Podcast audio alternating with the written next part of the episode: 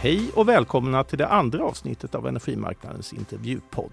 Ja, nu har vi lämnat oktober bakom oss och befinner oss mitt i november och rör oss med stormsteg mot julmånaden december. Utomhus är det dock allt annat än jullikt måste man säga. I stora delar av landet så upplever vi ju en rekordmild höst. Och det har ju fört med sig att elpriset de senaste veckorna är nere på nivåer vi inte sett sedan förra hösten.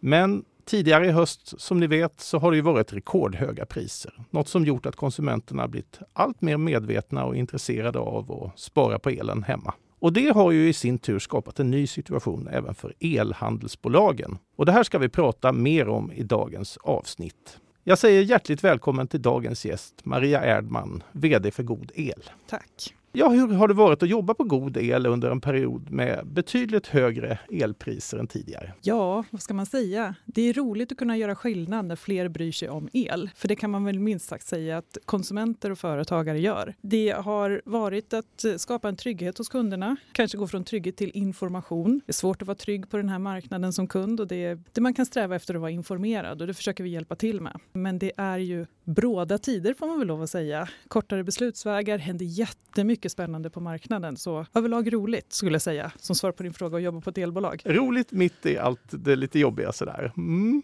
Ni är ju ett bolag med väldigt gott renommé måste man säga, både vad gäller hållbarhetsfrågor och att vara ett schysst bolag helt enkelt. Då är jag lite intresserad av hur jobbar ni med de här frågorna internt så att ni är sådär goda som ni uppger er för att vara. Ja, jag kan börja med att säga att vi går ju inte omkring med gloria på kontoret på dagarna. Det är långt ifrån så. Men det vi försöker att väva in är ju det enkla, schyssta, smarta i våran, i våran värld. Bland annat genom våra välgörenhetspartner. De kommer att berätta för oss att nu har de byggt en solcellsanläggning på, för Läkare utan gränsers klinik och så vidare. Så vi mm. förstår liksom var vår vinst till välgörenhet går. Men sen så är ju våran vision en bättre morgondag. Det är lite bredare. Det är bra miljöval och det är att vi bara äter vegetariskt när vi äter tillsammans och så vidare. Men återigen, ingen gloria på kontoret utan det är också hårt, hårt arbete för en schysst elmarknad. Ja, det förstår jag. Pratar ni om det någonting extra sådär? Jo, men det gör vi och det är ju ett roligt incitament att jobba med. Om vi tänker vinst till välgörenhet så det är ett ganska roligt incitament att jobba med internt. Om man ser så här, om vi kan få fler kunder att göra ett miljöbra val, att få sin faktura digitalt, ja, men då kan vi också spara pengar och då blir det mer pengar till välgörenhet. Så det är roligt att jobba liksom med de parametrarna. Ja, de här höga elpriserna som vi har haft nu, de, de har ju ökat medveten medvetenheten om och intresset för hur man ska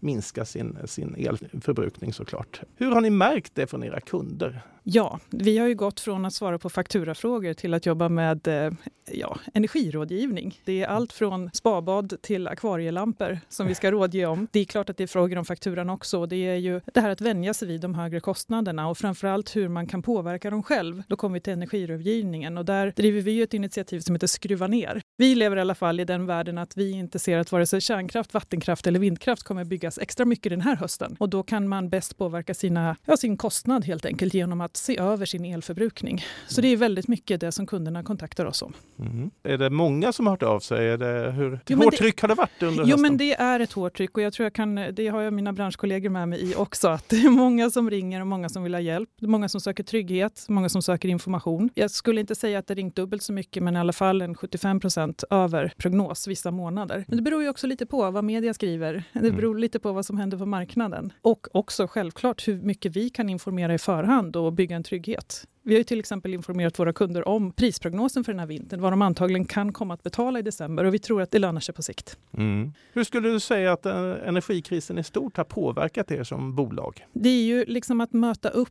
kundernas behov av smartare el, tror jag, genomgripande för oss och våra kollegor i branschen. Men det är också om man ser rent liksom att driva ett bolag. Eh, vi har högre kostnader för kunden och det mm. blir högre fakturer. Att se över så att man inte riskerar högre kundförluster. Ingenting indikerar det nu i de externa mätningarna så länge, men det är ju någonting som vi som bransch kommer att få titta på under den här vintern, mm. helt enkelt. Ja, det påverkar ju, tycker jag, på det mänskliga planet när man, när man pratar med och rycker in i kundservice någon gång och pratar med de här, den här ensamstående föräldern som har redan nu svårt att hantera en faktura. Och då handlar det ju, tror jag, också att ta hand lite om varandra i den här liksom, elkrisen som vi befinner oss i nu. Det är ju på många sätt energispar-apparnas tid måste man säga. För några veckor sedan så, så lanserade ju ni ett nytt energisparerbjudande genom ett samarbete med Engenic. Då. Hur pass viktigt är det för ett elhandelsbolag av er kaliber att kunna erbjuda en energisparpaketering till kunderna?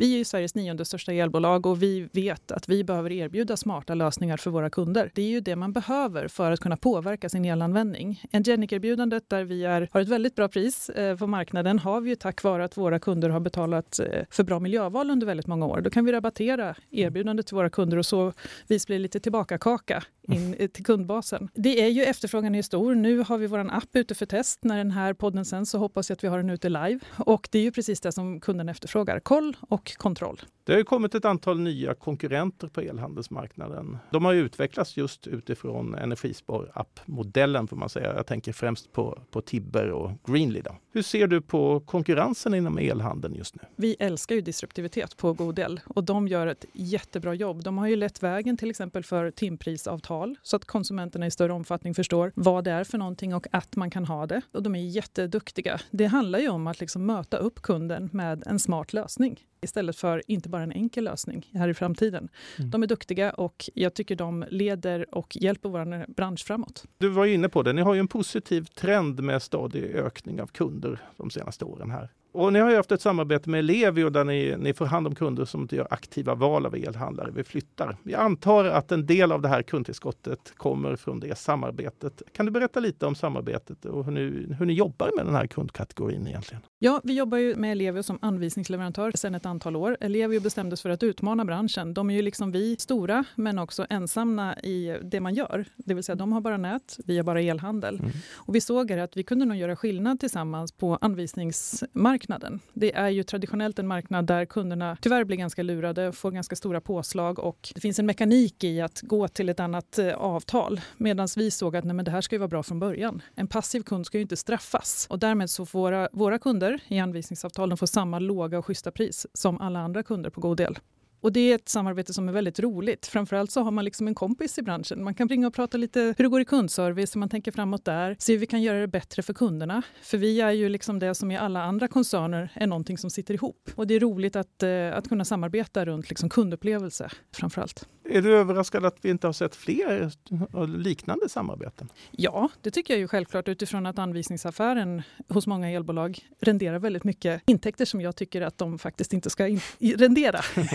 Om jag får sticka ut hakan lite. Ja. Och jag tycker ju att alla kunder förtjänar ett schysst elavtal och att man därför ska se över sina anvisningsavtal. Vi har ju pratat mycket om energikris och höga priser än så länge. Men det pågår ju samtidigt en energiomställning. Hur kan ett bolag som God El bidra till energiomställningen? Energiomställningen är en förutsättning för den stora klimatomställningen där det handlar om att hantera våra resurser på ett bra sätt. Ett initiativ som Skruva ner som vi nu kör, det är ju ett sätt att liksom i det lilla korta perspektivet se till att vi nyttjar nätet också utöver priserna på ett schysst sätt. Men i det lite längre perspektivet så driver ju Ellevio och vi eh, innovationstävlingen Startup for Climate som faktiskt idag efter att vi har spelat in den här podden har sin stora final. Och då ger vi ut två miljoner till två stycken startups inom energiomställningen som för att liksom få in ännu mera kraft in i den här omställningen som är alldeles behövlig. Så jag tror att man som enskilt elhandelsbolag också kan göra ganska mycket. Man behöver inte ge bort två miljoner, det behöver inte alla göra. Men däremot så kan man eh, se till hur man jobbar med sin kundbas och jobbar i det nätverk som man befinner sig i. För det är i alla fall en ganska stor och kraftfull bransch som skulle kunna driva en ganska stor omställning. Mm, jätteintressant. Du, om vi ska runda av det här och ta den stora frågan. Vilka tycker du är de, de viktigaste energifrågorna i Sverige just nu? Om du får helt fritt välja.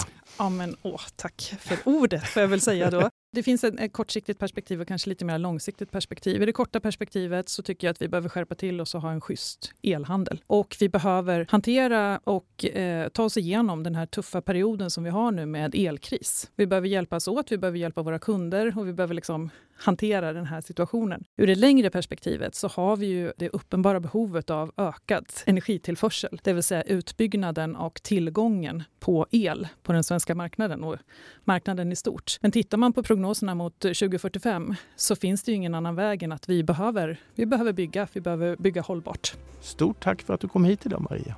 Tack. Och jag säger tack för idag till alla lyssnare och vi hörs igen om några veckor. Då har det blivit december. Tack för idag.